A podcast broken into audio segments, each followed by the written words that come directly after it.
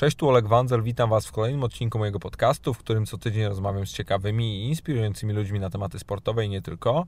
A dziś moim gościem jest Izu Ugonoch, były mistrz świata i Europy amatorów w Formule K1, a obecnie zawodowy pięściarz. Z Izu rozmawialiśmy o tym, dlaczego zmienił dyscyplinę na boks, o jego planach i marzeniach związanych ze sportem oraz bardzo szeroko o zjawisku rasizmu w Polsce. Życzę Wam miłego słuchania.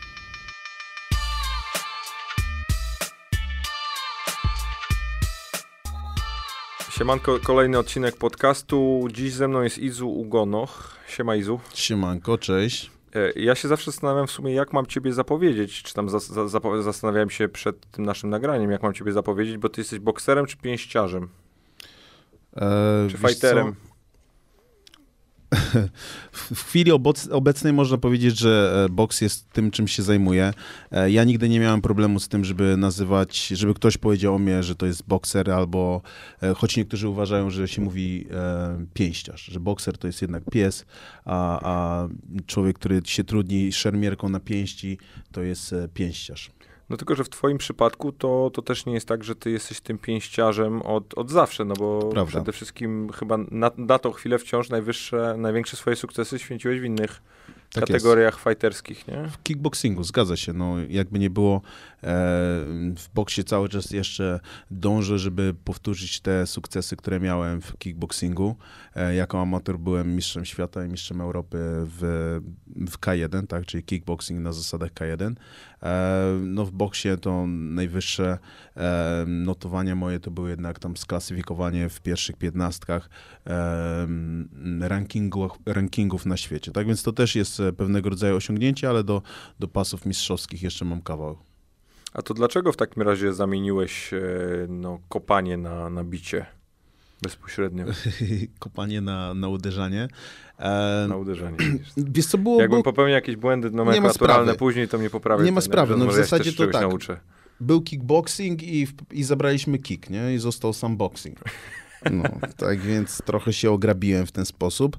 Um, Myślę, wiesz, pierwszą walkę stoczyłem w boksie zawodowym w 2010 roku. Po tym jeszcze, po tej pierwszej walce stoczyłem jeszcze um, walki na Mistrzostwach Europy e, w Azerbejdżanie. Tam też e, zdobyłem złoty medal i później miałem jeszcze jedną walkę w K1, ale jakby już byłem e, wtedy w dużej mierze skupiony na to, że potrzebuję zmiany, tak? Bo jakby w kickboxingu miałem taki wybór właśnie, że albo, albo zostaję w Polsce, albo będę wyjeżdżał gdzieś za granicę, dalej się rozwijać. Na tamtą chwilę chciałem zostać w Polsce i boks był poniekąd taką mm, szansą moją, żebym dalej był w sportach walki, E, a jednocześnie mógłbym zostać w Polsce, tak? I mógłbym e, e, być w tym sporcie i, i, i się rozwijać, więc jakby podjąłem taką decyzję. Nie byłem wtedy jeszcze do końca świadom wielu rzeczy. Nie wiedziałem, jak wiele jest polityki przede wszystkim w boksie zawodowym. Nie wiedziałem, z czym to się je i w tamtym momencie w zasadzie miałem ręce dużo słabsze niż, niż kopałem, tak? Myślę, że do kopania miałem naturalny talent. Jeżeli chodzi o o boks to e, bazowałem na po prostu swojej, nie wiem, na tym, że szybko się uczyłem nowych ruchów i tak dalej, ale musiałem sporo się nauczyć w boksie, żeby, żeby reprezentować jakikolwiek poziom. No tylko, że jak, jak sobie na to spojrzeć, no to finalnie też trafiłeś za, za granicę i to bardzo szybko, nie? Patrząc na twoją karierę bokserską. Um, tak, ostatecznie zdecydowałem się wykonać taki ruch, ale to też nie było wcale tak szybko, tak? E, zanim, zanim do tych Stanów pojechałem, to jakby szukałem wszelkich możliwości na to, e, żeby być w Polsce i żeby rozwijać się w Polsce. Um, no, pojawiły się pewnego rodzaju ograniczenia, zawsze się pojawiają. Mhm. I podjąłem taką decyzję, że wyjadę za granicę, pojadę do Stanów, e, do Las Vegas. no to było takie, wiesz, połączenie trochę pasji, zajawki, wiesz, e, żeby wyjechać do Stanów, w których już byłem wcześniej i trochę e, tym miejscem e, byłem zafascynowany i połączyć to z, no, z tym, czym się zajmowałem, czyli z boksem. Też wiedziałem, że w Stanach na pewno będę mógł rozwinąć swój styl na taki, który po prostu będzie do mnie bardzo pasował. No też mi się wydaje, że Stany to taka mekka bokserska troszeczkę, nie?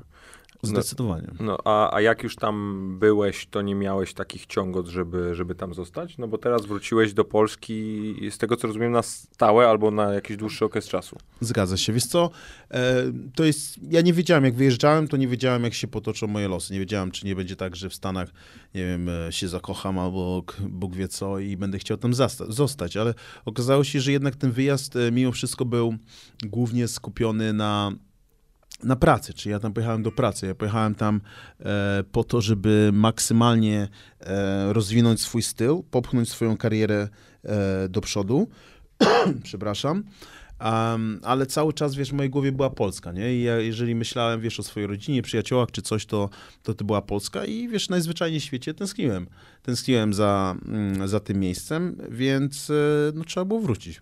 A jak patrzysz dzisiaj na boks, czy na ogólnie cały ten świat bokserski, e, z, tych, z perspektywy tych paru lat, kiedy już funkcjonujesz w tym środowisku, versus jakieś twoje oczekiwania na samym początku, to jesteś zadowolony, raczej rozczarowany, czy kompletnie jest to coś innego niż sobie wyobrażałeś kiedyś?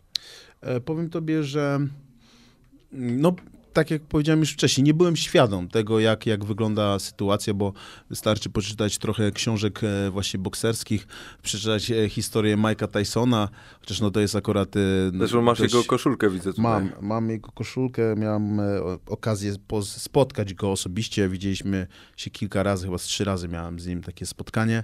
Um, no, ale najwięcej można tak naprawdę wyciągnąć e, czytając jego książkę, nie? Wyciągnąć i, i poznać go niemalże tak, jakby siedział obok ciebie i opowiadał swoją historię e, życia. To Undisputed Truth, Moja mm. Prawda. E, jak ktoś nie czytał, to polecam. Um, myślę, że boks jest nie wiem, taką wyjątkową nie wiem jak to nazwać, no bo to, co się dzieje w ringu, to jest tylko mały procent tego, co e, składa się na to, e, na życie pięściarza, albo w ogóle na cały bokserski biznes. Jest tam bardzo wiele elementów i wciąż wiele nie wiem e, na temat e, wielu z nich. Ale jedno, jedno wiem, że jakby ta machina nie, nie pracuje po to, żeby, żebym ja miał dobrze, tak? Ty, ty, jako fighter. Ja jako fighter, tak? Czyli być po tej nie stronie. Ty jako Izu. E, no ja jako, ja jako mi chodzi, mi, mi, chodzi o to, że nie, że branża się na ciebie konkretnie uwzięła, tylko Absolutnie. ogólnie z perspektywy zawodniczej, tak? Z perspektywy zawodniczej, jak, jak przychodzi do mnie, co się mi zdarza teraz bardzo często, że przychodzą do mnie jacyś ludzie, wysyłają jakieś zapytania, wiesz, e, jak ja mógłbym im pomóc, żeby oni e, rozwinęli się jako sportowcy, jako fajterzy i wiesz, no jakieś rady, tak? I co, co, co radzisz, tak? Czy zostać w Polsce, do kogo iść, do jakiego promotora, do jakiego menedżera. I tak naprawdę nie ma takiego, jak to się mówi, blueprint, nie ma czegoś takiego, wiesz, e, co mógłbym przekazać i powiedzieć, słuchaj, idź tu, nie idź tam, ten to oszust, ten to wariat. E, w zasadzie e, najlepsze, co mógłbym takiemu młodemu człowiekowi powiedzieć, to słuchaj, wiesz co, znajdź sobie może coś innego do roboty, bo znajdź sobie coś innego do roboty, bo tutaj lekko nie będziesz miał.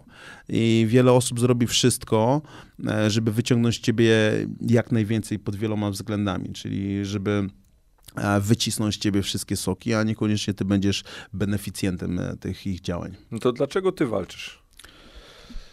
Um, to jest bardzo dobre pytanie. Dlaczego ja walczę? Myślę, że, że mam, mam coś w sobie takiego, co, co mnie zawsze pchało w tym kierunku, e, dlatego że wielokrotnie sam się zastanawiałem, dlaczego tak zawzięcie idę, wiesz, e, tą drogą, bo czasami niektórzy uważają, że wiesz, że Izu uprawia boks tylko z doskoku, tak? E, mm, słyszałem takie komentarze, ostatnio kolega mi właśnie czytał takie komentarze z internetu, gdzie ludzie wyrażają swoje fachowe opinie i mówią, że E, na wykopie nie, albo na tak, tak, innych Że nie można, wiesz, nie można niczego osiągnąć e, w boksie, jak się robi to z doskoku. I rzekomo e, ponoć ja jestem właśnie taką osobą. No ale prawda jest taka, że ja postawiłem wszystko na jedną kartę i zrobiłem to już bardzo dawno. Bo miałem to poczucie i tą świadomość, że ja zacząłem jednak późno i że ja mam cza mało czasu na to, żeby nadrobić te wszystkie lata, e, przez które inni boksowali, tak? którzy robili to powiedzmy od, nie wiem, od wieku 6, 7, 8 czy od e, tych swoich lat nastoletnich. Ja e, stoczyłem pierwszą walkę w boksie, jak miałem 24 lata, a jeżeli chodzi o kickboxing, to rozpocząłem go uprawianie w wieku 20 lat. I właśnie przez to, że trenowałem i walczyłem z tak ogromnym zaangażowaniem i poświęceniem, e, to sprawiło, że jakby w tym krótkim okresie udało mi się osiągnąć, e, uważam, że dużo. Uważam, że bardzo dużo się nauczyłem w tym czasie i Wiadomo, celem zawsze jest mistrzostwo i celem zawsze jest e, mocniej, więcej, wyżej, szybciej, ale też trzeba być w stanie docenić to, ten wkład, jaki się samemu włożyło e, e, w to, żeby być gdzie, gdzie się jest. No i to, gdzie ja jestem, jest właśnie wynikiem tego, że wiesz, z pełnym zaangażowaniem zawsze robiłem to, co robiłem. No tylko zobacz, jesteś inteligentnym gościem jestem przekonany na przykład, żebyś sobie poradził w, czy w innej branży, czy w ogóle kompletnie innym świecie niż świat bokserski. Tak. A mimo wszystko, mając to wszystko z tyłu głowy, jeszcze wchodząc w boks, no mając lat 24, to to już jest raczej taki wiek, w którym jesteś w stanie po pierwsze o sobie decydować, po drugie raz, raczej rozumiesz, co się dookoła ciebie dzieje. Mimo wszystko podejmujesz świadomą decyzję i to jest, nie ukrywam, pytanie, które mi siedzi w głowie i, i chciałem je zadać w ogóle jako pierwsze, mhm. czyli co jest w tobie takiego, że ty pomimo tych wszystkich atutów, które masz na innych poziomach, podjąłeś decyzję, że ja będę walczył? Wiesz co, to jest, e, to jest dobre pytanie i na szczęście potrafię na nie odpowiedzieć. E, wszystko się zaczęło u mnie od e, pewnej wizji. I miałem takie, zawsze uważałem, że boks, sporty walki, wiesz, to nie jest na zawsze, to jest na jakiś czas tak? I tak sobie wymyśliłem, że, że wykorzystam boks jako pewnego rodzaju platformę. Um, czyli wejdę w ten świat, e, będę się rozwijał tak bardzo, jak będę mógł. Nauczę się tyle, ile będę mógł. Będę walczył, będę wygrywał. E, osiągnę być może jakąś, e, jakąś pozycję, zrobię wynik sportowy, bo to było dla mnie bardzo ważne. Ja sobie w głowie powiedziałem, że skoro w kickboxingu mi się udało osiągnąć takie wyniki, to jestem w stanie osiągnąć te same wyniki, jeżeli tak samo będę zawzięcie dążył do tego w boksie. I będę miał odpowiednich trenerów, znajdę odpowiedniego menedżera, odpowiedniego promotora, i, i ogólnie wszystko będzie fajnie, tak? I w związku z czym powiedziałem, ok, zrobię to, zrobię to, a później jak skończę boksować, e, będę mógł się zająć czymś innym. Czy to będzie, wiesz, praca z ludźmi, którą bardzo lubię. E, zanim zacząłem boksować, e, prowadziłem treningi, to były treningi personalne, również e, grupowe treningi i z kickboxingu, i z boksu. I jak właśnie bardzo lubię bezpośredni kontakt z, z człowiekiem, no ale z drugiej strony też lubię się, jak to potocznie z kolegami mówimy czasem, lubię się pizgać, nie? Lubię, lubię, lubię mm, tą walkę i myślę, że to jest bardzo uzależniające, dlatego że każde wejście do ringu jest dla mnie mm, czymś, e, na co wiesz, na co długo czekam, e, pracuję nad to i emocje, które coś takiego e, we mnie zostawia, no są emocjami, których nie potrafię porównać z niczym innym, tak?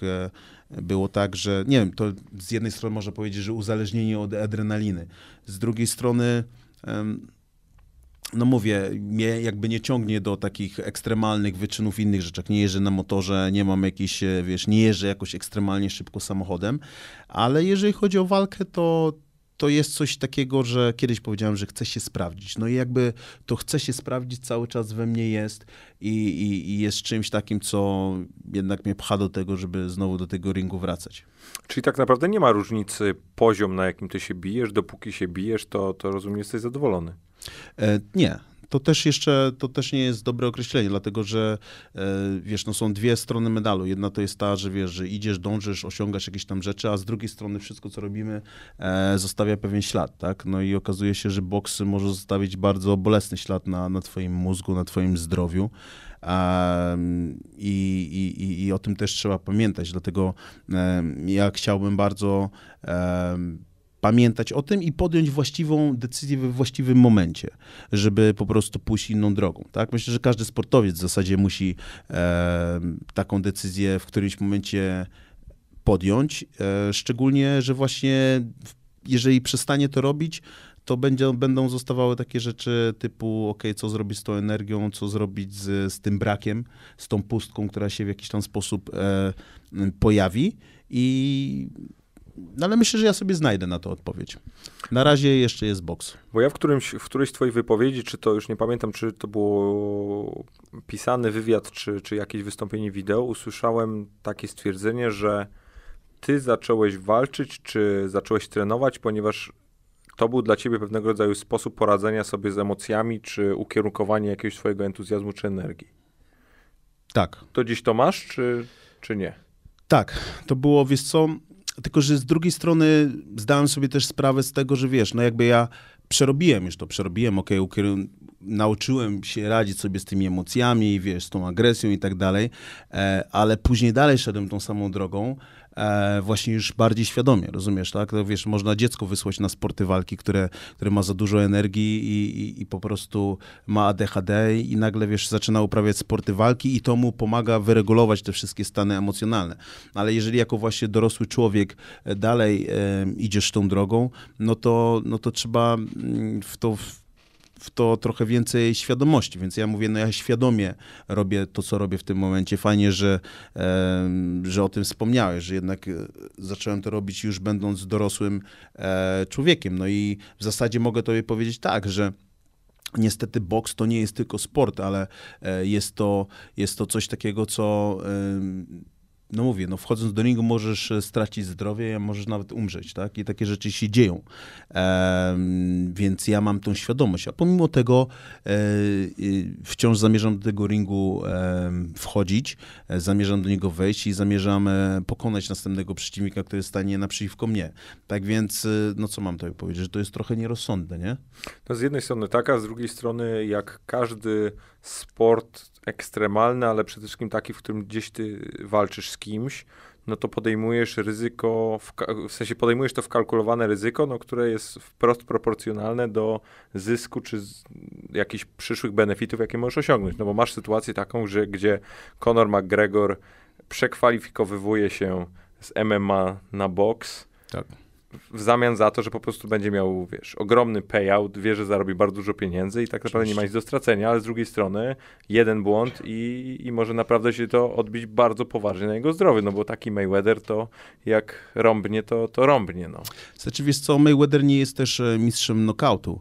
Tak więc, e, tylko że jakby dysproporcje, jeżeli chodzi o umiejętności bokserskie, były w tej walce tak ogromne, że ona się inaczej nie mogła skończyć. E, aczkolwiek, no wiesz, no jest, e, jest e, jest zapotrzebowanie, jest podaż, jest popyt, tak? I, i w tej sytuacji wielu ludzi uwierzyło w to, że w tym zestawieniu e, wiele może się wydarzyć. To nie jest tak, że Conor McGregor jest na straconej pozycji, pomimo tego, że był na straconej pozycji, ale z drugiej strony, jeżeli zarabia się 100 milionów dolarów za jedną walkę, to to nie, wiesz, a drugi zarobił 300 milionów, to w tej walce nie było przegranych. Brzmi jak dobry Rozum, deal, no. No, w tej walce nie było przegranych. I tak to właśnie wygląda, więc e, e, no, prawda jest taka, że jeżeli chodzi o finanse, to większość, akurat w boksie to jest tak, że możesz, wiesz, z jednej walki zarobić więcej niż zarobiłeś, nie wiem, przez pierwsze 15 czy 20 czy 30 swoich walk. Tak to wygląda i dochodzisz do pewnego poziomu i na tym poziomie te wypłaty rzeczywiście zaczynają mieć sens, tak? Jeżeli, jeżeli nie wydasz wszystkiego, e, wiesz, w Las Vegas w kasynie, to być może ustawisz się w życiu i, i będziesz w stanie rzeczywiście czerpać korzyści korzyści z tej swojej ciężkiej pracy, którą włożyłeś przez kilka lat, e, przez wiele, wiele lat dalszego, dalszego swojego życia, nie? To tutaj mam jeden wątek, na którym musiał się zatrzymać. Wrócimy na pewno jeszcze do kwestii gdzieś tam zarządzania swoimi emocjami, szczególnie w tym wieku młodzieńczym, ale mówiłeś, że poznałeś Mike'a Tysona. Tak. Tutaj masz idealny przykład gościa, który w kwiecie swojej kariery, w kwiecie wieku, no był terminatorem, był bestią. Kogo byś mu tak naprawdę nie, nie, nie na ring nie, nie włożył, to był przysłowiowo mordowany. No, no, ten gość miał ogień w oczach. Y, nie, nie było nikogo, kto mógłby go faktycznie wtedy, wtedy pokonać. Dzisiaj masz gościa, czy tam człowieka, który już spokorniał, przepuścił te setki milionów dolarów, mhm. napisał jedną, drugą książkę. Jestem przekonany, że odwiedził wiele e, czy klinik psychiatrycznych, czy, czy wielu psychologów i tak. no i zobacz, co, jakby na czym stanęło. I, I, chciałem się ciebie zapytać, jak ty dzisiaj na niego patrzysz, no bo z jednej strony legenda, z drugiej strony też symbol pewnego rodzaju wszystkich rzeczy najgorszych, które w boksie mogą być. Nie?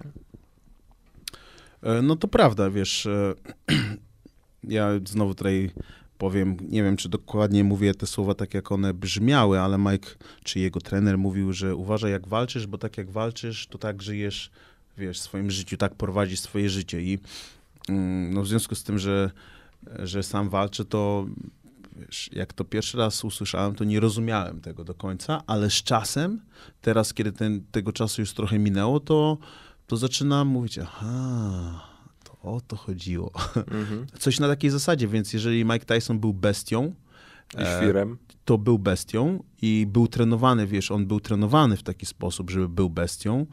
Mm, no to to jest troszeczkę takie podobne do sytuacji, w której e, wiesz, ty kogoś grasz, nie? I zakładasz maskę, bo teraz na przykład masz być tym albo tym, nie? Mhm. I zakładasz tą maskę tak często, że w pewnym momencie, wiesz, no zaczynasz się zlewać, stajesz się tym, kogo maskę ubierałeś. No i on tak, wiesz, zakładał tą maskę bestii, bo teraz się musi bić, bo to, bo tamto. I w końcu on już nie był tego w stanie ściągnąć z siebie. I, i, i i po prostu, wiesz, był bestią na każdej płaszczyźnie życia i ludzie mu na to pozwalali, bo w końcu był Mike'iem Tysonem, tak? Normalnego człowieka powinni, wiesz, aresztować albo wrzucić od razu do psychiatryka, a, Mike Tyson dostawał za loft, żeby mógł dalej boksować, bo to po prostu były tak ogromne pieniądze. W związku, więc prawda jest taka, że no mówię, no boks jest dobry dla, dla wszystkich oprócz e, samych boksujących, chyba, że ktoś jest takim człowiekiem jak e, Floyd Mayweather. Tylko, że u Mayweathera e, on doszedł do tej pozycji, dlatego że przez 20 lat e, ciężko pracował na swoją pozycję i na, w pierwszych walkach nie zarabiał takich pieniędzy, jakie zarabiał, ale doszedł do takiego poziomu, gdzie e, no, stał się swoim, swoim menedżerem, tak? Chyba wcześniej był z, teraz nie chcę skłamać, Top Rank um, z Bobem Arumem, tak? I z nim współpracował. E, później zaczął pokazywać swój, swój, swój lifestyle w, w tych... Um, no, Współpracował z 50 Centem. Dokładnie, ale to wszystko jakby zaczęło napędzać e, ten cały motor jego, e, jego kariery i, i, przede wszystkim finansowy motor, bo on, wiesz, on technicznie to on już był tym, tylko on zrozumiał ten biznes, ale zrozumiał go też przez to, że zarówno jego ojciec, jak i jego wujek boksowali i są dość nieźle rozbici, więc on zrozumiał, że w tym sporcie, wiesz, albo będzie tak, że ty na stare lata, wiesz, będziesz ledwo się wysławiał, bo przyjmiesz za dużo ciosów i nie będziesz miał żadnych pieniędzy, albo rozegrasz to w taki sposób, że będziesz miał pieniądze i, i po prostu zostaniesz nienaruszony. Czy to jest proste? Nie, nie jest proste. Ale Floyd Mayweather właśnie to zrobił, bo ma rekord 50-0 i setki milionów dolarów na swoim koncie. Mam nadzieję, że tych pieniędzy nie przepuści, ale właśnie dlatego można powiedzieć z pewnej, z tej perspektywy, że rzeczywiście on jest the best ever, tak? Czyli najlepszy, dlatego że rozkminił ten biznes. Boks nie tylko jako to, że wchodzisz do ringu i walczysz, ale boks w taki sposób, że wchodzisz do ringu i przez 36 minut bo tyle trwa walka 12-rundowa, jesteś w stanie zarobić 300 milionów dolarów. No jedno to jest zarobić, drugie to jeszcze nie dać się obić, żeby faktycznie móc gdzieś Słuchaj, te 300 milionów dolarów Jeszcze inaczej, wydać, nie? jeszcze inaczej. Za walkę z Conorem McGregorem, która była najłatwiejszą walką w jego karierze, bo to była pierwsza walka bokserska w, przecież w karierze McGregora, a Floyd Mayweather wygrywał z mistrzami świata w boksie, w boksie, z mistrzami świata, z Pacquiao, z, z Cotto, z najlepszymi na świecie w boksie. Z De La z, z, De La, kur, z najlepszymi. I teraz przyszło mu, słuchaj, za najłatwiejszą walkę w swojej karierze zarobił 300 baniek. To wiesz, jakie to jest uczucie? On powiedział, że po tej walce będą na Harvardzie wykładać e, o nim jako o biznesmenie. Wiesz, co powinni. No, mi się ogólnie wydaje, jak ja, na, jak ja na niego patrzę, to to jest w ogóle taka świetna historia też z mojej perspektywy jako obserwatora, bo ja go pierwszy raz o Floydzie Mayweatherze usłyszałem właśnie przed, wal przed walką z Delahoyą i on wtedy no, był pretendujący i, i dopiero wtedy tak naprawdę zaczynał ten swój... E, że tak powiem, może nie, nie powiem wspinaczkę na szczyt, no bo już wtedy był topowym, topowym fighterem, ale dopiero wtedy zaczynało się walki. o nim mówić tak. właśnie tak. per ten best ever, tak jak wspomniałeś. Mhm. No i, i, i potem wychodząc, jak patrzyłem na, na niego wychodzącego na, na tę walkę z McGregorem, to ja widziałem po prostu gościa, który idzie, który wie o tym, że to całe show jest jego, że on to rozegrał tak, jak chciał, no i finalnie to on będzie głównym beneficjentem i to mi się wydaje jest kluczowe w ogóle w tym tak. wszystkim. Nie? Bo to są, to, jest to, to wszystko jest, e, polega na tym, żeby grać na ludzkich emocjach w pewien sposób i nie dać się ponieść swoim własnym emocjom. Tak to wygląda, bo ludzie tego chcą. Ludzie chcą, żebyś wyszedł, oni chcą krwi, oni chcą, żebyś walczył, oni chcą, żebyś wygrywał, ale przede wszystkim chcą emocji, tak? Floyd Mayweather potrafi bardzo umiejętnie podsycać ludzkie emocje. Robi to między innymi poprzez zazdrość, tak, pokazując swój, wiesz, e, swój lifestyle, gdzie po prostu tych pieniędzy wydaje mnóstwo, pokazuje swoje, wiesz, drogie samochody, drogie zabawki, e, pokazuje kobiety. Wszystko to, czego większość ludzi nie może mieć. On nie jest tak zwanym e, people's champ, czyli mistrz, z którym większość się utożsamia, tylko jest raczej tym, o którym ludzie myślą, kurde, mam nadzieję, że wreszcie mu się powinie noga. A, a, jest dobry, jest tak. dobry, jest rewelacyjny, ale mam nadzieję, że wreszcie mu się powinie noga i że ktoś mu wreszcie zamknie tą, tą jego gębę, nie? No A okazuje się, że, że, że, że, na tym, czyli na tym hejcie, który jest tak niesamowicie popularny e, w tej dobie internetu, po prostu on staje się coraz bogatszy. Słuchaj, no czy kochasz, czy nienawidzisz, pay-per-view liczy się tak samo, nie? Otóż to.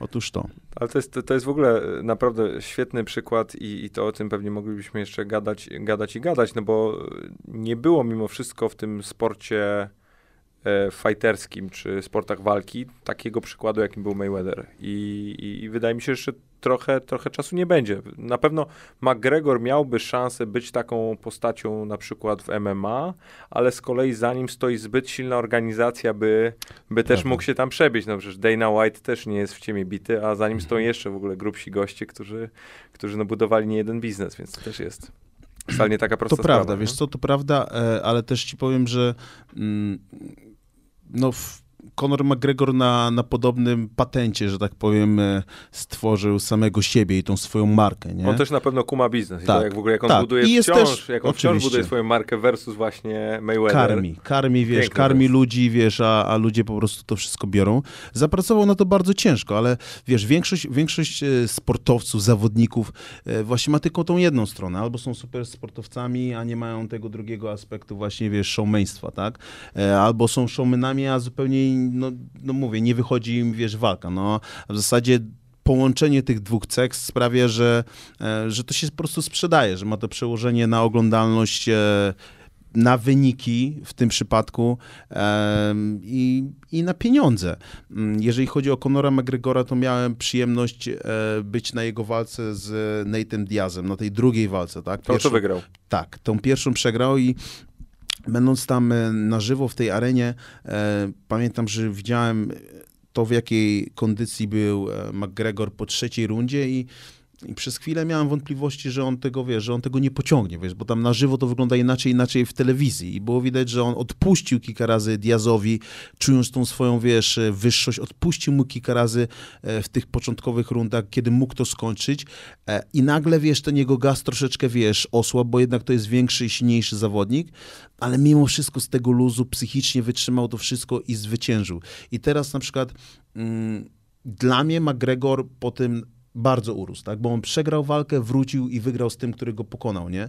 Więc e, to, że na przykład Floyd Mayweather nie przegrał żadnej walki, e, no to też sprawia, że człowiek nie do końca może się z nim utożsamiać, nie? A, a, a właśnie McGregor jednak, e, wiesz, on ma porażki w swoim rekordzie, jest człowiekiem, wyjątkowym człowiekiem, wybitnym sportowcem, wybitnym showmanem, ale to, co on robi, mówię, w dużej mierze podoba mi się bardziej niż to, co, co robi Floyd Mayweather. A jak ty podchodzisz do swoich porażek? Też ich nie było zbyt dużo, bo, bo na tą chwilę w oficjalnym rekordzie masz jedną? Jedną, tak. W boksie no mam właśnie. jedną porażkę. Wiesz co... Y powiem ci szczerze, że niestety, ale no źle znoszę porażki. Jakby w kickboxingu y, miałem kilka tych porażek i e, troszeczkę wyglądało to tak, że przegrywałem jedną walkę, później wygrywałem 20, tak? Więc no wiesz, no z jednej strony bez tych porażek e, nie byłoby tych moich zwycięstw, bo po prostu tak, tak ciężko później pracowałem, wyciągałem wnioski e, i, i, dążyłem dalej do celu. Czyli nie było we mnie czegoś takiego, że się chciałem poddać, e, no ale no, no, kto lubi przegrywać, nie? Kto lubi przegrywać. E, wszyscy byśmy chcieli wygrywać e, cały czas, ale no niestety czasem jest to niemożliwe. No ale zobacz, ale masz takiego właśnie McGregora i ja jestem przekonany o tym, że gdyby ta, nie ta jego porażka, czy z Diazem, czy z Mayweatherem, on by nie był w stanie budować tej narracji, którą buduje. No. Tak. To samo można zobaczyć z Aśką Jędrzejczyk. Tak. Była, była uważana za najlepszą fighterkę w swojej kategorii w UFC, przegrała. Ja jestem przekonany teraz, że jak ona wyjdzie teraz na tę walkę, to ona to, to swoją prze Jest... przeciwniczkę po prostu rozgromi. No, jestem o tym przekonany. Wiesz co, ja tobie powiem jeszcze tak. Teraz po prze ostatniej przegranej e, Mamet Kalidow, Kalidow powiedział, nareszcie przegrałem. Hmm. Nareszcie przegrałem. No widzisz. I schodzi z niego ta cała presja, te oczekiwania i, i to w ogóle, wiesz, to, że się przegra, to jest, to jest dość normalne, wiesz, tak naprawdę na co dzień przegrywamy w różnych małych rzeczach. Wiesz, no to, że się spóźnisz na jakieś spotkanie, to jest jakaś tam mała, wiesz, porażka. E, to, że wiesz, nie zdążysz na autobus albo, wiesz, zaparkujesz gdzieś auto, wracasz, patrzysz, jest mandat, no. To są wszystkie jakieś takie małe porażki, wyciągamy z nich wnioski i idziemy dalej. To jakoś nie zmienia naszego życia, wiesz, taki ekstremalny sposób. Natomiast w sporcie często jest to tak dostrzegane, tak postrzegane, jakby, wiesz, no, ta porażka miała zmienić wszystko. Ty już nie jesteś tym, kim byłeś wcześniej, bo przegrałeś. I my, sportowcy, często jakby swoją, swoją właśnie nasze poczucie wartości budujemy na tym, jak ludzie patrzą, na tym, że wiesz, że ja walczę, wygrywam, no to jestem super, a wiesz, jak walczę i przegrywam, to co? To już nie jestem tak samo wartościowym człowiekiem, jakim byłem wcześniej?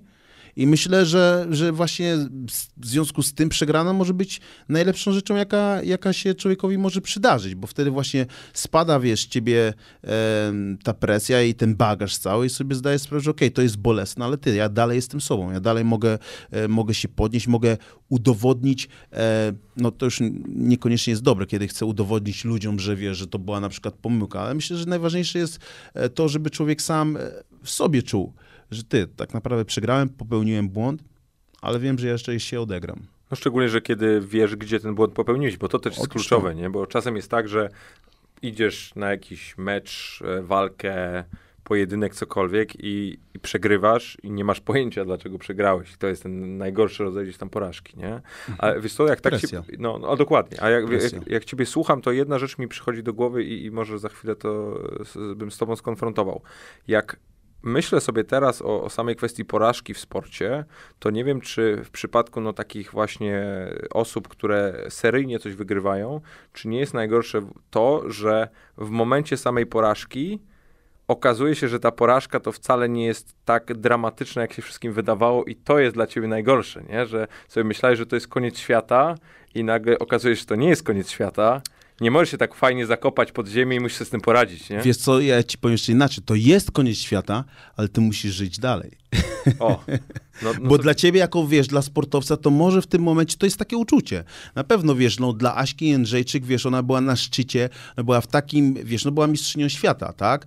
E, I w tym momencie, e, wiesz, swojej przegranej, no to, no to wiesz, no spadła z bardzo wysoka i to było dla niej bolesne, szczególnie, że ona się nie czuła wcale lepszą zawodniczką, bo nie jest, e, przepraszam, nie czuła się gorszą zawodniczką, bo nią nie jest, ale to jest sport. To jest sport i często milimetry decydują o tym, czy ktoś wygrywa, czy przegrywa, tak?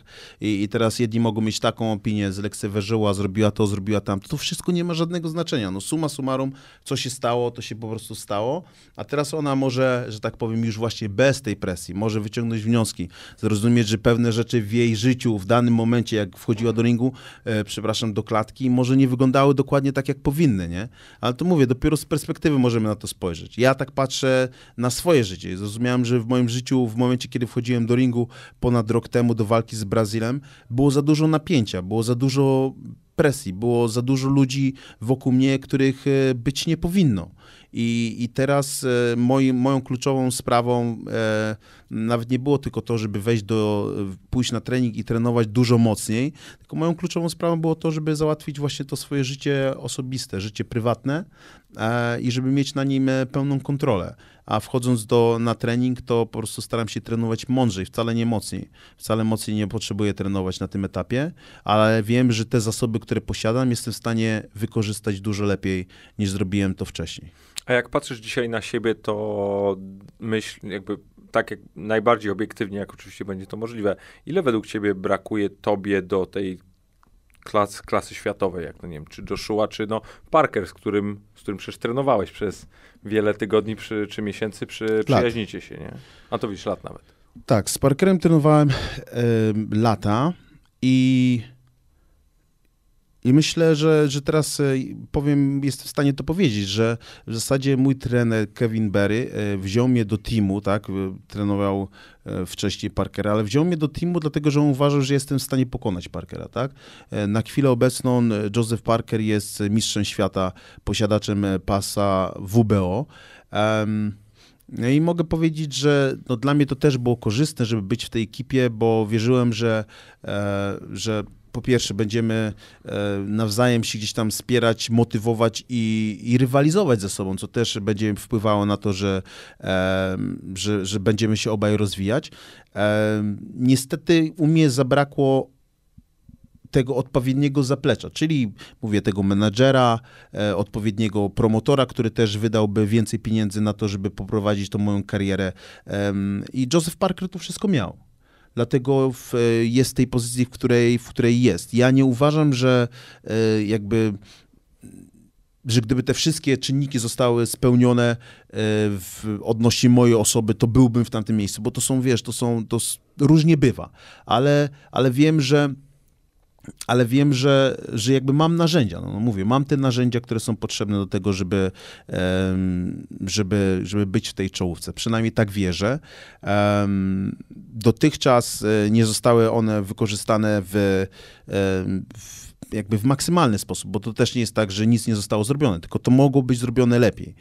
Um, ale skupiam się na chwilę obecną tylko i wyłącznie na tym, żeby wrócić na ring i wrócić e, jako mądrzejszy zawodnik przede wszystkim i to wszystko, czego się nauczyłem, czego doświadczyłem, e, żeby zaprezentowało e, w ringu i żeby ludzie zobaczyli taką, wiesz, lepszą wersję mnie samego. No i po kolejnej walce będziemy myśleć o następnych walkach i o, o tym, w którym kierunku to ma dalej iść, tak? Jeszcze jakbyś mnie zapytał, wiesz, rok temu, to bym ci powiedział, ty, że pod koniec e, 2018 roku będę walczył o Mistrzostwo Świata. Tylko, że teraz już rozumiem, że są rzeczy, na które mam wpływ bezpośredni i, i, i będę starał się te właśnie rzeczy kontrolować, a są inne, na które wpływu nie mam. I to są, wiesz, sprawy związane właśnie z polityką bokserską, z, z promotorami, menedżerami, E, z kontuzjami, które też mogą się przytrafić. Więc mówię, no, na chwilę obecną skupiam się tylko wyłącznie na tym, żeby kolejny krok e, zrobić i żeby to był dobry krok. A myślisz, że realnie jest jeszcze szansa, żebyś faktycznie kiedyś o ten pas Mistrza Świata zawalczył? Myślę, że tak. Myślę, że to jest bardzo możliwe. Myślę, że dwie odpowiednie walki, e, wiesz, ja już jestem podpisany z odpowiednią osobą, tak, z Alem Haimonem. Teraz e, w związku z tym, że jestem w Polsce, to e, wiesz, no ja mogę powiedzieć, że teraz ja kieruję tym. E, wcześniej powierzyłem e, kierowanie moją karierą pewnym mądrym ludziom, którzy mieli wiedzieć lepiej ode mnie. A teraz mówię ty, to ja wchodzę do ringu i to ja narażam swoje zdrowie, ja narażam swoje życie, no i widzę, że, że wcale nie jest tak, że inni wiedzą e, lepiej ode mnie. Nawet jak wiedzą, to nie zawsze zrobią tak, żeby było lepiej dla mnie. Więc w związku z tym ja wolę sam podjąć to ryzyko i podejmować swoje decyzje. Jak będą złe, no to wiem, że to ja podjąłem te decyzje.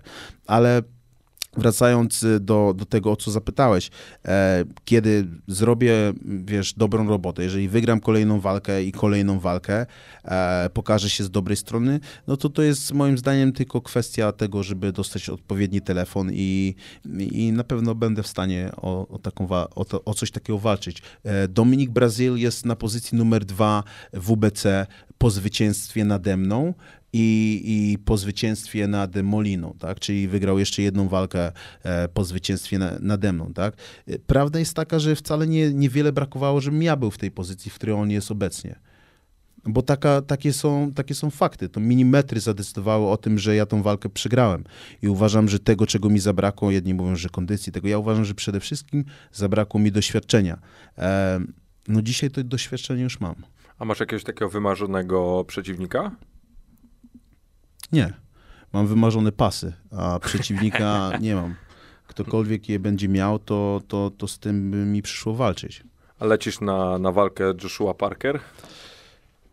Um, co, dość niedawno rozmawiałem z Joe i z trenerem e, na ten temat, ale myślę, że ostatecznie chyba zobaczę, zobaczę tą walkę w telewizji. Zamierzasz robić jakiś większy event, tam pos, pospraszać ludzi, bo jakbyś coś organizował, to ja chętnie. Słuchaj, no to wiesz, telefon, telefon do siebie mamy, Grzesiek jest e, na miejscu, tak więc jak najbardziej można, można się zgadać. Dobra, to wróćmy w takim razie do tego, do tego tematu, o którym rozmawialiśmy wcześniej, mianowicie zarządzanie swoimi emocjami i tak naprawdę powodach do tego, by walczyć, no bo ty się wychowywałeś w Polsce jako czarnoskóry chłopak, który tak naprawdę od zawsze musiał walczyć o swoje, tłumaczyć ludziom, e, że, że wcale to nie jest tak, że ty jesteś jakiś inny, czy nie pasujesz do miejsca, w którym jesteś, no i zdaję sobie sprawę, że mogłeś w sobie wykształcić jakiś ogromny gniew, nie? I no i pytanie, czy boks finalnie ci w tym pomógł, czy przeszkodził, czy, czy to tak naprawdę wyniknęło w sposób naturalny z tego, że ty i tak musiałeś się bić o, o swoje? Wiesz co, to wszystko jakoś tam się przemieliło razem i na chwilę obecną nie jestem w stanie, wiesz, do końca ci, nie wiem, powiedzieć...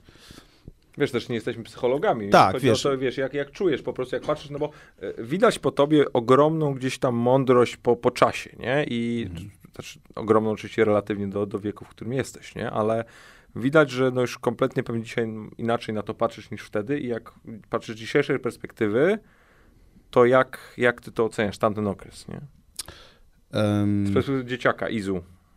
Wiesz co, no, na pewno oceniam to, że kurde, to musiało być cholernie ciężkie. Dużo cięższe niż mi się wydawało, wiesz. Um, niedawno um, córka mojej siostry, um, siedmiolatka, poszła do, um, do pierwszej klasy. I, I ja ją właśnie tam zaprowadzałem do tej szkoły. Ona poszła do szkoły muzycznej, więc to szkoła państwowa, jej ojciec jest również Nigeryjczykiem, e, więc ona jest, wiesz, jest czarnoskóra tak samo, jest czarnoskóra tak samo jak ja.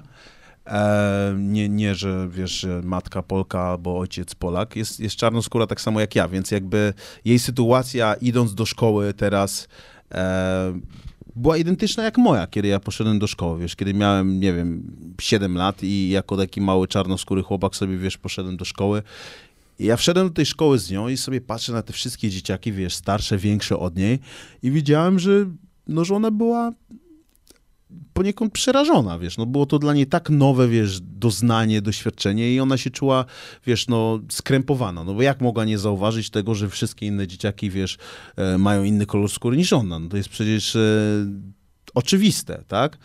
I, I jakby to tak trochę, wiesz, e, przywołało moje wspomnienia, moje własne wspomnienia. I sobie myślę, o kurde, nie?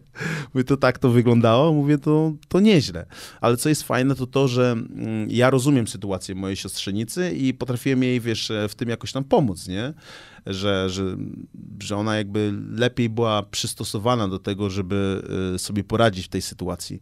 A jak sobie pomyślałem o, o mojej mamie, która przyjechała, wiesz, z Nigerii i moim tacie, którzy przyjechali z Nigerii do Polski w latach 80., no to oni nie mieli w żaden sposób zasobów do tego, żeby mnie przystosować do, do tego, z czym ja się musiałem tam zmierzyć. Um, dlatego, że oni przyjechali do Polski jako w pełni ukształtowani ludzie już, dorośli ludzie a jednak dzieciak to wszystko odbiera troszeczkę inaczej, więc e, co dużo gadać, nie trzeba być psychologiem, żeby mieć świadom, znaczy, żeby rozumieć, że to miało ogromny wpływ na mnie. E, no i no, w dużej mierze dlatego jestem takim człowiekiem, jakim jestem. No, no, pewnie jakieś tam defekty mamy, ale to już psychiatra by musiał zbadać lepiej. A jak patrzysz właśnie po, po swojej siostrzenicy, to widzisz dużą zmianę w jakimś postrzeganiu jej versus te czasy, w których ty się wychowywałeś, czy jest to wciąż podobne? Nie no, słuchaj, no dalej białe jest białe, czarne jest czarne. No nie, o czym wiesz, to czy, tak jak sam powiedziałeś, no różnice będą zawsze diametralne i bardzo jasno widoczne, tak? Tylko mi chodzi o to, czy mimo wszystko dzieci, bo wiesz, bo dzieci potrafią być brutalne, nie? I to czasem ta brutalność nie wynika z tego, że faktycznie chcą ci zrobić krzywdę, tylko po prostu są takie, jakie są i, i, i kompletnie nie zdają sobie sprawy z tego, że krzywdzą drugą, drugiego człowieka, nie? I, I, pytanie, czy faktycznie coś się w tym aspekcie zmieniło, czy, czy jest to tak samo Wiesz właśnie nie. bezuczuciowe? Nie, z jednej strony myślę, że tak, e, sporo się zmieniło, e, bo czasy się zmieniły, Polska się zmieniła. E, myślę, że natura ludzka, wiesz, się nie zmienia wcale. Więc tak jak dzieci były brutalne, tak będą brutalne jutro i wiesz, i za 100 lat pewnie też. Um, no ale wiesz, ale, albo możesz mieć, może być dziecko brutalne na poziomie takim po prostu agresywnym, stricte, że nie wiem, tu cię tam uderzy, tu cię popchnie, a, a może być też brutalne na poziomie rasistowskim, ksenofobicznym, jakimś innym. co, nie? Wydaje mi się, że dzieci akurat nie mają w taki sposób. No mi chodzi tak z oceny z boku. Wiesz, ale nie, ale nie wybór, już, ci, nie? już ci to wytłumaczę. Ja myślę, że główne różnice to, jest, to są takie, że ona jest dziewczynką, i ogólnie, wiesz, dziewczyny sobie inaczej radzą, wiesz, właśnie z takimi sytuacjami, nie wiem, że, że ktoś jest agresywny, czy ktoś obraża. No ja byłem chłopakiem, tak? I, i, no i chłopcy sobie radzą też inaczej, czyli jakby, e, wiesz, no do tych bujek dochodzi częściej i one są bardziej naturalne w przypadku, wiesz, chłopaka. Tak więc myślę, że jakby mi przyszło się urodzić, wiesz, e, teraz albo dorastać teraz w Polsce, to pewne sceny, które, wiesz, których doświadczałem wcześniej, też by miały miejsce teraz, no wiesz, no, walka o terytorium, walka e, o to, kto będzie, wiesz, największy, kto będzie bossem piaskownicy i tak dalej. No to są dość takie e, normalne rzeczy. Um, więc no, no tak to widzę. Nie widzę takich diametralnych różnic pomiędzy tym, co było wcześniej, a, a, a tym, co jest teraz. Tylko kwestia tego, jak, jak, e, jak ona sobie z tym radzi. A radzi sobie dużo lepiej, no bo jej sytuacja jest jakby rodzinna, jest inna, nie? O, a, a to też bardzo dobrą rzecz powiedziałeś w kontekście tego, no, że chcesz pokazać, że jesteś większy, lepszy, szybszy, mocniejszy, czy właśnie jesteś tym bossem. To myślisz, że to, że kolor skóry twój tutaj tylko wzmagał te, te jakieś tam doświadczenia, czy faktyczną chęć zmierzenia się z tobą, czy, czy to po prostu było takie, no bo wiesz, byłeś e, fizjologicznie gdzieś tam pewnie większy, od razu wszyscy chcieli tak się z tobą zmierzyć, bo widzieli w tobie konkurenta, a nie do końca, wiesz, inną osobę, nie? I pytanie, czy to było właśnie raczej kwestia taka stricte osiedlowa walka o terytorium, czy jednak było z tym coś też głębszego? Ale powiem ci tak, jeżeli chodzi o, o te kwestie, to jakby nikt moim, z moich rówieśników raczej nie miał ze mną, specjal, ze, mnie, ze mną specjalnych szans. Zawsze byłem Właśnie trochę, o tym mówię. Jakby wiesz, to jedyne osoby, z którymi ja się ścierałem, to były osoby, które były ode mnie większe, albo było ich więcej. To był jedyny sposób, żeby byli sobie w stanie ze mną poradzić, tak więc ja nie miałem, nie odczuwałem żadnego, wiesz, takiego lęku na zasadzie, że wiesz, że ja idę do klasy i, i tam się źle czuję, bo mnie tam ktoś gnębi. Nie, to były osoby ewentualnie, które właśnie, wiesz, mnie nie znały, wiesz, e, które były, nie wiem, albo spoza szkoły, albo coś takiego, więc jakby ja sobie radziłem bardzo dobrze zawsze e, wśród swoich rówieśników. Nawet miałem taki, wiesz, miałem taką empatię w sobie, że że jak gdzieś tam ktoś był gnębiony, to, to raczej, wiesz, raczej pomagałem, wiesz, i chroniłem te słabsze dzieci, tak więc e, no, tak, takim byłem człowiekiem. Um, więc e, no, no w odpowiedzi na twoje pytanie tak to wyglądało, jakby i, i no i takie trochę było, wiesz, trochę nie fair, nie? Zawsze brałem udział raczej w, w nierównych, w nierównych walkach. A to weź mi, może tak abstrahując troszkę od, od tematu głównego, ale jak, no słuchaj, wychowałeś się w Gdańsku, e, dobrze, dobrze mówię, tak. w, w środowisku takim mocno, bym powiedział, blokowym czy, czy osiedlowym. Tak. Jak to się stało, albo, albo może tego nie wiem po prostu, nigdy, że tak powiem, nikt z jakichś środowisk kibicowskich nie chciał cię tam rekrutować, żebyś tam, nie wiem, czy był jakimś fighterem, e, bojówkarzem, czy kimś takim?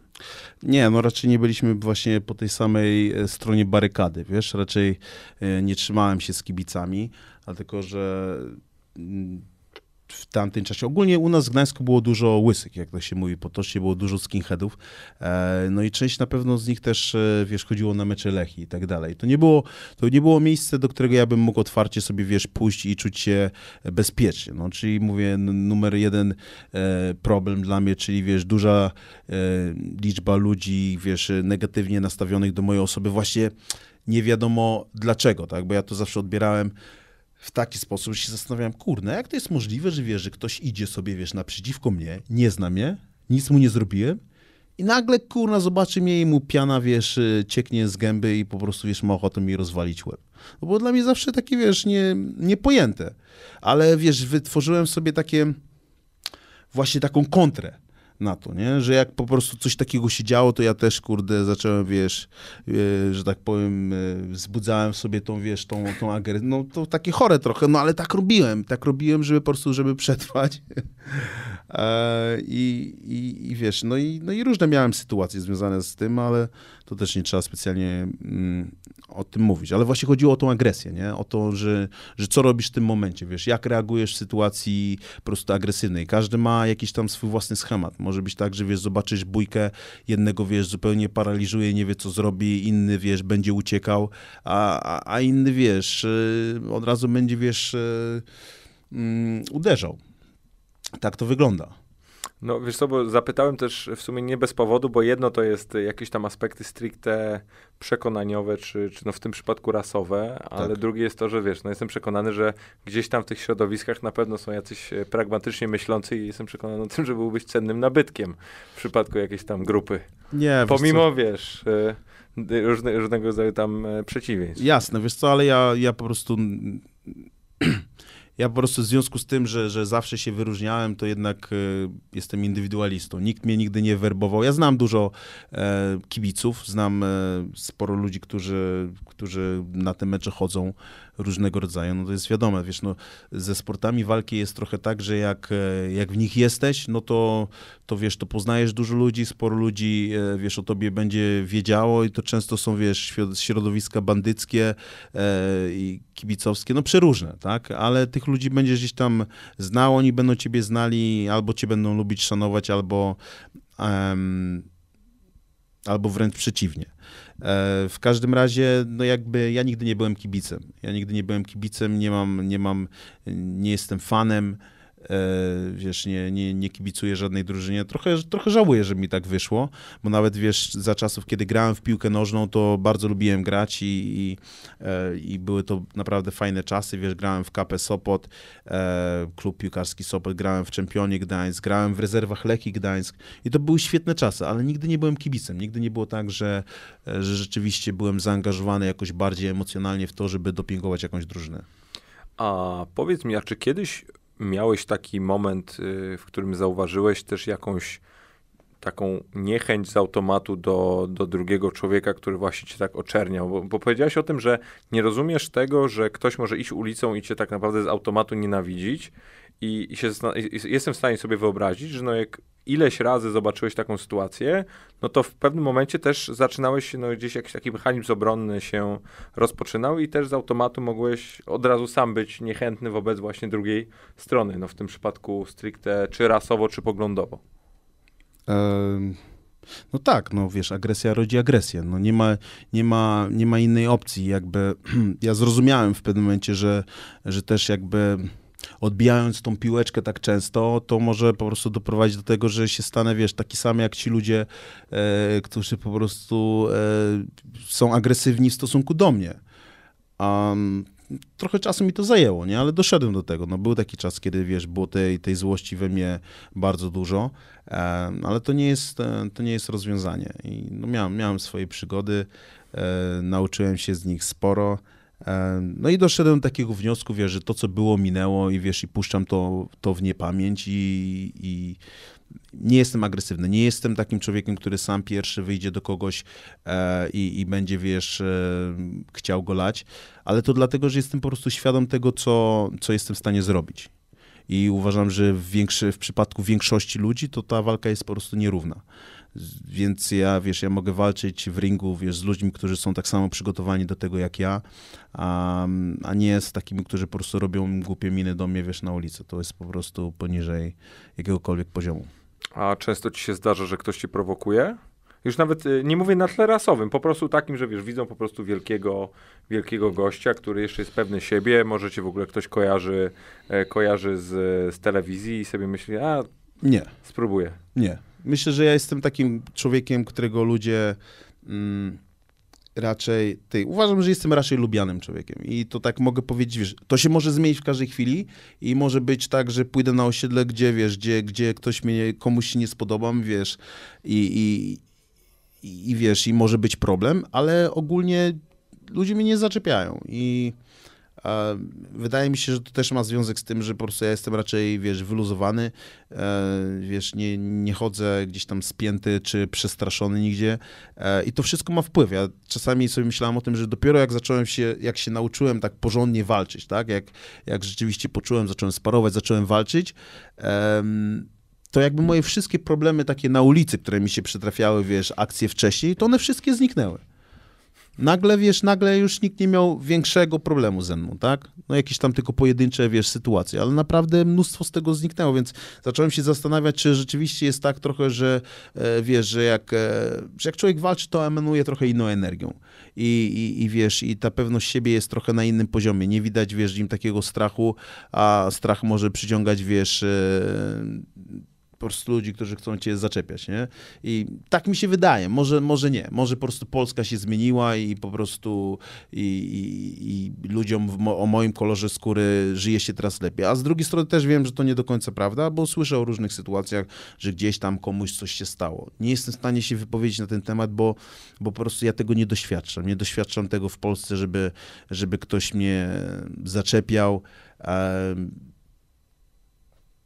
no nie, no miałem, miewałem problemy kiedyś w przeszłości, teraz wiesz, wiesz od wielu, wielu lat e, nic takiego mi się nie przytrafiło. No ale też też, wiesz, no jeżdżę swoim samochodem, a nie, wiesz, nie środkami komunikacji miejskiej, to też ma duży wpływ, nie? Kiedyś jeździłem, wiesz, codziennie musiałem jechać autobusem, czy tramwajem, czy pociągiem, wiesz, przez cały Gdańsk, żeby jechać do szkoły, tak?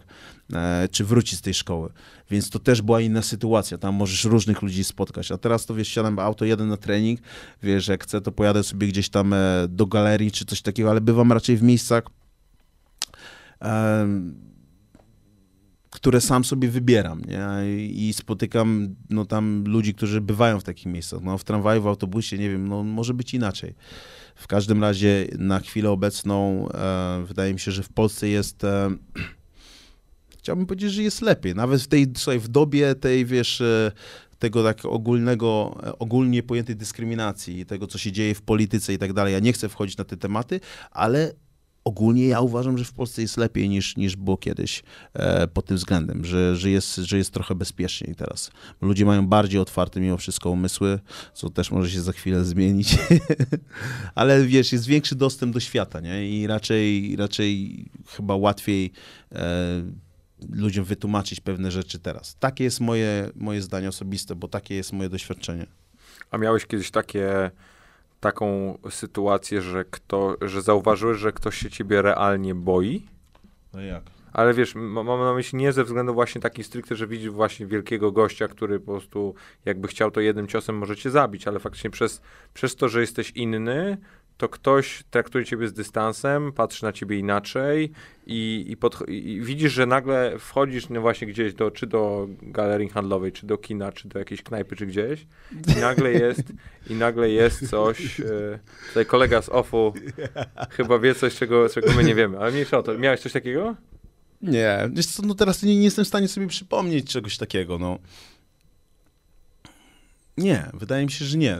Też jakby no ja postrzegam siebie inaczej, inaczej postrzegają mnie, mnie inni ludzie. Jedyne takie, wiesz, e, jedyna rzecz, która nie jest zaskoczeniem w ogóle na, dla mnie, ale zawsze mnie w pewien sposób zaskakuje, to jest to, tak, to jest to, kiedy, wiesz, idę na przykład sobie ulicą, wiesz, przez Gdańsk i starówką. Idę sobie starym miastem i ktoś podchodzi do mnie i, i wiesz, i po angielsku się mnie pyta, wiesz, czy ja nie chcę wejść do restauracji, nie? I wtedy jakby sobie, wiesz, przypomina, no tak, kurwa, skąd on może wiedzieć, że ja tutaj, wiesz, a to jeszcze jakiś młody człowiek sobie myśli, skąd on może wiedzieć, że ja jestem w tym kraju dłużej niż on, wiesz co, na takiej zasadzie, bo on ma powiedzmy 20 lat, a ja mam 31. I, I to są takie sytuacje, że po prostu ja zawsze dla ludzi będę inny dla ludzi, którzy mnie nie znają, dla ludzi, którzy po prostu nie znają mojej historii, to po prostu będę ty, no, no czarnoskóry gościu, no patrzysz sobie myślisz, ty no pewnie skądś przyjechał, może wiesz, przyjechał na studia, no kto wie, no, no różne rzeczy możesz pomyśleć, ale mm, no niekoniecznie to, że mówię płynnie po polsku i, i wiesz, i się tutaj urodziłem i mieszka tutaj moja rodzina, ja tu mieszkam i, i takie tam. No ponadto ty też bardzo jasno określasz swoje przywiązanie po pierwsze do Polski, po drugie też y, wydaje mi się, że budujesz jakąś swoją tożsamość w oparciu o to, że jesteś Polakiem, że się tu wychowałeś, że, że jesteś z tego dumny, że jesteś, jesteś z tego kraju, nie? Tak, że jestem z tego kraju, że przetrwałem. Ale tak, ale, ale no widzisz, Nie, wiesz no. co, jeszcze inaczej ty, że jestem, te, że, że urodziłem się i wychowałem w Polsce i ogólnie jestem za, zadowolonym z życia człowiekiem. Wiesz, nie jestem typem, który będzie narzekał i mówił tobie o tym, wiesz, jak jest ciężko i jak w ogóle, wiesz, jest strasznie, tylko raczej, wiesz, no w dużej mierze uważam, że, że my mamy odpowiedzialność e, przed sobą i my kształtujemy to, wiesz, jakim życiem żyjemy i, i i ogólnie jak się czujemy, wiesz. Nawet to, mamy wpływ na to, jak my myślimy o swojej przeszłości, tak? Bo można powiedzieć, to o, można płakać całe życie z tego powodu, że jakaś krzywda nam się wydarzyła w dzieciństwie i, i nie ogarnąć się przez całe życie i cały czas na, na podstawie tego, e, wiesz, budować swoją przyszłość. No a można zapomnieć o tym, co było i po prostu zrobić najlepsze to, co można zrobić w danym momencie, żeby przyszłość była lepsza. No i jakby ja się z tym utożsamiam. Ja się utożsamiam z tym, żeby po prostu robić wszystko, co da się zrobić, zrobić, żeby drżyło się e, tobie dobrze. A miałeś jakiś taki okres albo moment, w którym no właśnie uświadomiłeś sobie wiele z tych rzeczy, no bo jestem przekonany o tym, że no nie zawsze tak myślałeś i nie zawsze tego typu e, przemyślenia czy jakieś wnioski były w twojej no. głowie. No jestem no, tak, masz rację. Stuprocentowo nigdy, nie, nie, zawsze było to tak ułożone, jak jest teraz. Nie, nie, wiesz co, to jest, e, masz rację, wiesz, ja, ja przez długi czas wychodziłem z takiego założenia, że jak ja sobie gdzieś wyjadę, jak ja wyjadę za granicę, jak ja wyjadę, nie wiem, e, może do Nigerii albo do jakiegokolwiek innego kraju, gdzie będzie więcej czarnoskórych na przykład, to że moja sytuacja się automatycznie zmieni. I co najlepsze i najgorsze mi się przytrafiło, to to, że, że pojechałem do innego kraju, gdzie było więcej czarnoskórych, no i moja sytuacja wcale się nie zmieniła tak diametralnie, czyli wiesz, moje problemy wszystkie się, wiesz, nie rozwiązały. To jest trochę na takiej zasadzie, kiedy, kiedy wiesz, e, no niektórzy nie mogą wyjechać z Polski i cały czas psioczą na Polskę, nie? Bo ta Polska to to, a to, a tamto i mogą całymi dniami o tym gadać, nie? To niech wyjadą gdzieś za granicę i zobaczą, wiesz, że owszem, tam mogą być pewne plusy, ale są też i minusy. Gdzie nie pojedziesz, są rzeczy, z którymi musisz się, e, wiesz, ścierać i albo, wiesz, sobie z nimi radzisz, e, nie narzekasz, po prostu robisz to, co musisz zrobić, zrobić, albo wiesz, nie robisz nic, narzekasz, narzekasz na rząd, narzekasz na, na pogodę i na całą resztę. To jest na takiej zasadzie. No i ja, wiesz, mając 18 lat, gdzieś tam e, wyjechałem i... A gdzie wyjechałeś? Wiesz co, wyjechałem, wtedy to było do Irlandii. I w mhm. Irlandii spędziłem z dwa miesiące i, i, i, ogólnie moja mama tam została, wiesz, e, pracowała tam, e, a ja stwierdziłem, że nie, wiesz co, fajnie, fajnie, fajnie się w euro zarabia, ale ogólnie to ja nie chcę tam mieszkać i ja wolę wrócić do Polski. Wróciłem do Polski, zrobiłem studia i, i zrozumiałem taką jedną rzecz, że tak naprawdę ogromny wpływ na to, jak nam się żyje, ma nasze nastawienie, nasze po prostu podejście do sprawy. E, kolejny raz, kiedy wyjechałem do Stanów Zjednoczonych, miałem 21 lat, tam jeszcze bardziej się w tym jakby utrwaliłem, że po prostu, że nasze nastawienie jest najważniejszą rzeczą, która determinuje to, jak nam się żyje, tak? E, no wiadomo, są inne aspekty, to ile zarabiasz pieniędzy, to czy tamto, ale, ale nastawienie. No, mówię, i przeczytałem też wiele książek na ten temat i, i, i takie jest moje podejście. To nie jest tak, że wiesz, że w życiu mi się wszystko udaje, albo cały czas e, świeci słońce, bo tak nie jest. Są problemy, będą problemy, ale jest jedna rzecz, na którą mam wpływ i to jest właśnie to, jakie będę miał nastawienie e, wobec tych wyzwań, które mi przyjdzie pokonywać.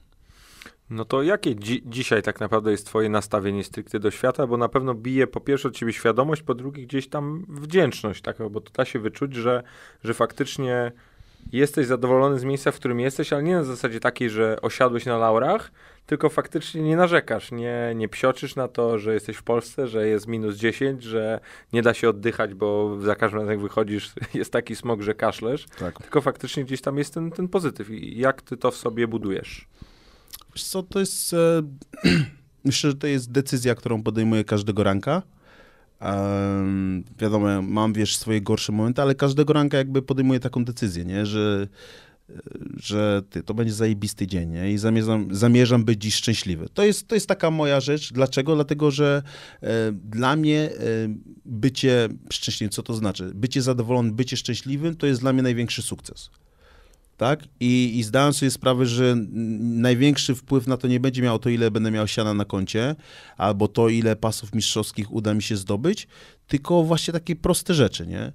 E, że ja mogę zadecydować o tym, wiesz, e, że okej, okay, dzisiaj zrobię wszystko, e, żeby szczęśliwy. Rzeczywiście to jest tylko kwestia nastawienia. Ty wsiadam do auta, puszczam muzę, wiesz, jestem zmęczony, jestem trochę przybity, wiesz, jeszcze się nie wyspałem, ale wiesz, ale piję kawę, za chwilę zrobię dobry trening i tak dalej. I tak się nakręcam, no.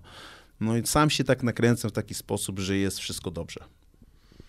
To jest ba bardzo ciekawe, co mówisz, bo mnie najbardziej tak naprawdę rozbraja to, że wciąż to jest bardzo niepopularne podejście. Szczególnie, szczególnie u nas w kraju, że naprawdę ludzie raczej skupiają się na tym, czego dzisiaj nie zrobili, albo co by chcieli zrobić, a coś ich ogranicza, albo po prostu nie mają w sobie na tyle czy werwy, wigoru, czy, czy nawet odwagi, by się zdecydować, żeby faktycznie coś zrobić. I, i tracą całe swoje życie na tym Słuchaj, powiedziałeś to, słuchaj, powiedziałeś to, odwagi. Bo wiesz co, bo żeby być pozytywnie nastawionym, to potrzeba odwagi. Bo idziesz, tak jak mówię, wychodzisz, idziesz przez to życie i kurwa, i spotykają cię porażki. Dostajesz po dupie, wiesz. Nie jest, kurwa, tak nie jest, małe wiesz, tak, tak. Jest, masz małe Wiesz, nie jest lekko, kurde, wiesz, musisz zarobić pieniądze, musisz opłacić rachunki, musisz to, więc tak naprawdę, więc jak popatrzcie realnie na sytuację, to zawsze mogę znaleźć szereg rzeczy, które jeszcze mam do zrobienia, których jeszcze nie osiągnąłem i być może nie osiągnę, wiesz, jest mnóstwo rzeczy, które mogą po prostu sprawić, że ja będę niezadowolony. Jest tego mnóstwo. No i rzeczywiście jest zimno. Ostatnie trzy lata mieszkałem w Las Vegas, pogoda była piękna, każdego dnia. Może pięć razy padał deszcz no słońce świeciło, było, było cudownie. Więc jakby no, no są powody do narzekań i one się nigdy nie skończą, tak? Tylko, że to jest, to jest po prostu świadomy wybór. I tak jak powiedziałeś, odwaga, odwaga, żeby jednak podejść do tego troszeczkę inaczej. To jest, to jest moje zdanie, że żeby być pozytywnie nastawionym do życia, to wymaga to odwagi, bo już to oznacza, że wcześniej już ci się wiele rzeczy nie udało, a ty dalej mimo wszystko podchodzisz do życia w taki sposób, że jest, wiesz, że jest, że jest dobrze i że może być dobrze. Jak tu zapracuję, jak tu zrobię to, to będzie dobrze. I zrobię wszystko po to, żeby było dobrze. Hmm. Ciężko jest tak naprawdę coś dodać tutaj jeszcze, bo, bo naprawdę mówisz, mówisz, mówisz dość, dość konkretnie jako o tym temacie, ale mam jeszcze jeden dla ciebie i może on będzie taki taki dość mainstreamowy w tym momencie, bo to już się stało raczej takim standardem, a nie, a nie czymś nowatorskim, ale no zobacz, y, i to już odjedziemy od kwestii światopoglądowych bardzo daleko, wrócimy na chwilę do, do walki. Mm, nie myślałeś o, o przejściu do, do MMA? Kurwa, jesteś kickboxerem. Tak. Później zostałeś pięściarzem, czyli tak. umiesz i kopać, i bić się. Jestem tak. przekonany, że parteru byś się stosunkowo szybko nauczył. Dlaczego? Nie. Albo czy w ogóle planujesz, bo może wiesz, bo widzę, że ogólnie jesteś gościem, który ma sporo rzeczy przemyślanych, więc może założyć, no, jeszcze 5 lat Jeż, powalczę i po, poboksuję. Tak, no do walki, po, po, poboksuję, wygram i, i idziemy do MMA i robimy na nowo. Wiesz co, e, nie mam takiego planu e, na chwilę obecną i jakby z ważnych rzeczy nie, powiem ci tak, z ważnych rzeczy to, wiesz, ja mam coś takiego w sobie, że jak coś robię, to bardzo lubię doprowadzić to do końca. co wiesz, co może być i dobre, i złe. No ale ogólnie jak jesteś sportowcem i chcesz coś osiągnąć, to, to musisz mieć to zawzięcie, tą determinację i tą wytrwałość. Tak więc nigdy nie chciałbym ciągnąć e, wielu rzeczy, e, wiesz, jednocześnie. MMA na chwilę obecną, to patrzę na to, kurde, w boksie jest tyle elementów, tyle elementów, które wciąż jeszcze muszę poprawić. Mówię, w kickboxingu pamiętam, ile było elementów. Mówię, wiele z nich wychodziło mi naturalnie, wiesz, dobrze, ale jak patrzę na przykład na, na zapasy, na brazylijskie jiu-jitsu, to sobie myślę, Boże, no to jest znowu, wiesz, e, totalnie nowy świat, nie? Jak ktoś patrzy na to w taki sposób, że a, wiesz, liznę trochę parteru i wiesz, i, i, i ogarnę, e, no to, to, to, to ludzie po prostu nie są do końca świadomi tego, wiesz, ile czasu, ile godzin na tej macie i na tej sali e, trzeba spędzić, żeby rzeczywiście mieć świadomość jakąś. Nie? No myślę, że jak ktoś trenuje pół roku e, brazylijskiego jiu-jitsu, no to człowieka, który nie ma pojęcia, po prostu składa w tak łatwy sposób, że to, że to aż przykro patrzeć. E, wiesz, a w boksie masz sześć w boksie masz sześć a, a na, w parterze no, no, to jest po prostu, jak dla mnie, to jest studnia bez dna. Więc, e, więc e, a nie chciałbyś spróbować na zasadzie takiego właśnie wyzwania? No bo mówisz też o tym i widzę, że już się błysk wokół pojawia. Już zaczynasz sobie właśnie wyobrażać ten swój trening na tej macie i widzę, że coś jest tutaj. Wiesz ten, co? To współzawodnictwo się włącza. Tak, wiesz co, bo to jest trochę tak, że wiesz, no ja, ja wiesz, podjąłem w swoim życiu wiele nierozsądnych decyzji. Boks to jest jedna właśnie z takich nierozsądnych decyzji, bo stwierdziłem, że ja pójdę na boks, dlatego, że boks mam słaby. Jak... więc, e, więc pójdę na boks no Dlatego, prostu... że mam boks słaby, zostanę mistrzem świata. Hmm. no trochę tak, wiesz, kiedyś mówię, pisałem, wow. maturę, pisałem maturę z matematyki, bo z matmy byłem słaby i stwierdziłem, że jak teraz, wiesz, nie, tego nie zrobię, nie będę miał takiego wyzwania, to, to nigdy się nie nauczę matematyki, nie? I nie zdałeś? I musiałem powtarzać rok. Nie, no. zdałem, zdałem na, na cztery i wiesz, i byłem... E, I byłem, rozumiem, bardzo, i, byłem bardzo dumny z siebie. I od tego czasu nie użyłeś wzorów skróconego mnożenia. Jestem o tym przekonany. No tak. No dobra, ale byłeś dumny z siebie. Byłem dumny z siebie, wiesz, i, i no tak trochę jest, wiesz. Y, na dzień dzisiejszy myślę, że będę sobie trochę rozsądniej dobierał swoje wyzwania.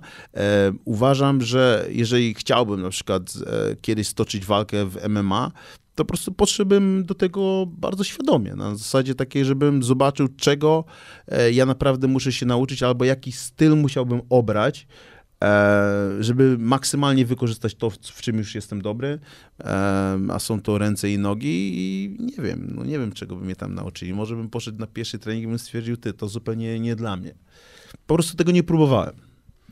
A wracając już na chwilę do tego boksu, który wy, rozumiem wybrałeś tak mocno na przekór sobie, tak. to e, nie miałeś takiego momentu gdzieś jeszcze na początku, że sobie myślałem, że co mnie popierdoliło, wracam do kickboxingu? Wiesz co, e... no nie, kurde, bo jednak, wiesz, im było ciężej, tym ja miałem większą determinację, wiesz, no, no niestety no, no, tak funkcjonowałem, wiesz, wszystko, wiesz, czy problemy, czy to, że, wiesz, zostałem zawieszony, wiesz, nie boksowałem praktycznie dwa lata, e, wiesz, e, sprawy polityczne, wiesz, mówię, dobra, jadę na drugi koniec świata, tam będę boksował, tam mnie nikt nie powstrzyma i tak dalej, więc e, tak jak mówię, po, e, mm, Dokonałem wielu takich wyborów, które nie były do końca rozsądne. Na dzień dzisiejszy, y, jakbym się miał cofnąć, to, to nie wiem, jak bym zrobił, tak? Nie wiem, jak bym zrobił, e, bo gdybym zrobił inaczej, to nie byłem tu, gdzie jestem, nie? A tak jak już powiedziałem wcześniej, jestem zadowolony, że jestem w tym miejscu, w którym jestem. E, więc może to jest jakaś zasada, że czasem trzeba coś nierozsądnego zrobić w życiu. No dobra, to, to gdzie ty zmierzasz w takim razie? Na chwilę obecną mam bardzo jasno sprecyzowany i wytyczony cel. Mój najbliższy cel to jest stoczyć walkę 25 maja na Stadionie Narodowym. Pięć lat minęło od tego, jak e, zaboksowałem ostatni raz w Polsce i to wiesz, dla mnie jest to pewnego rodzaju e, no jest to dla mnie i wyzwanie, ale też i wyróżnienie. Wiesz, to nie jest to, nie każdy, nie każdy dostaje taką szansę. A ja na to pracowałem trochę czasu, dostaję taką szansę. E, jak walczyłem za granicą, e, to brakowało mi jednak tego, żeby mieć swoich, wiesz, kibiców, czy znajomych, czy przyjaciół e, i żeby móc walczyć dla nich i żeby mieć ich wsparcie, tak? Walczyłem po prostu na, na obcym terenie. Tam poznałem nowych ludzi, poznałem, wiesz, wielu wspaniałych ludzi, którzy mnie dopingowali, ale jednak, no u siebie to jest u siebie. A z takiej perspektywy czysto ludzkiej?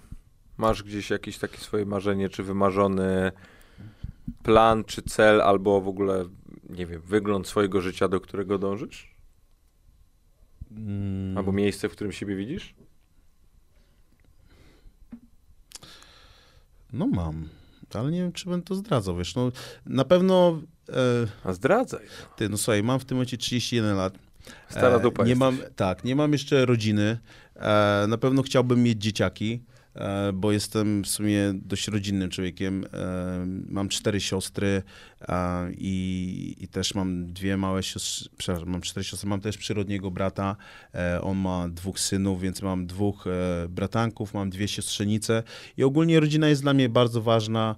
Myślę, że po niektórych moich przeżyciach Mm, jakie miałem e, przez ostatnie lata i właśnie tej takiej odległości, to jeszcze bardziej to doceniam. No i, no i chciałbym, wiesz, chciałbym założyć swoją własną rodzinę i jakby nie być tylko w 100% skupionym na, e, na, na sporcie, ale mieć tą też swoją grupę wsparcia, którą sam bym założył.